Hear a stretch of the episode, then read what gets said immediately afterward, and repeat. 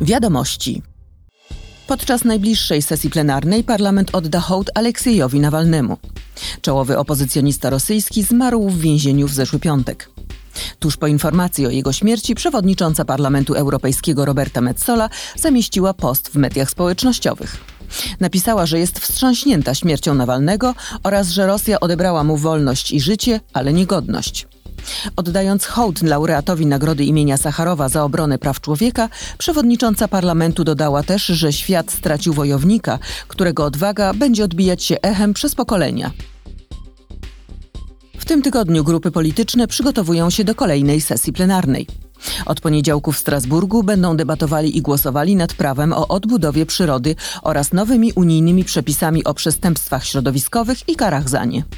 W programie sesji również pomoc finansowa dla Ukrainy oraz ochrona dziennikarzy i obrońców praw człowieka przed zastraszaniem. W czwartek Komisja Kontroli Budżetowej omówi kwestie praworządności i ochrony unijnego budżetu na Słowacji.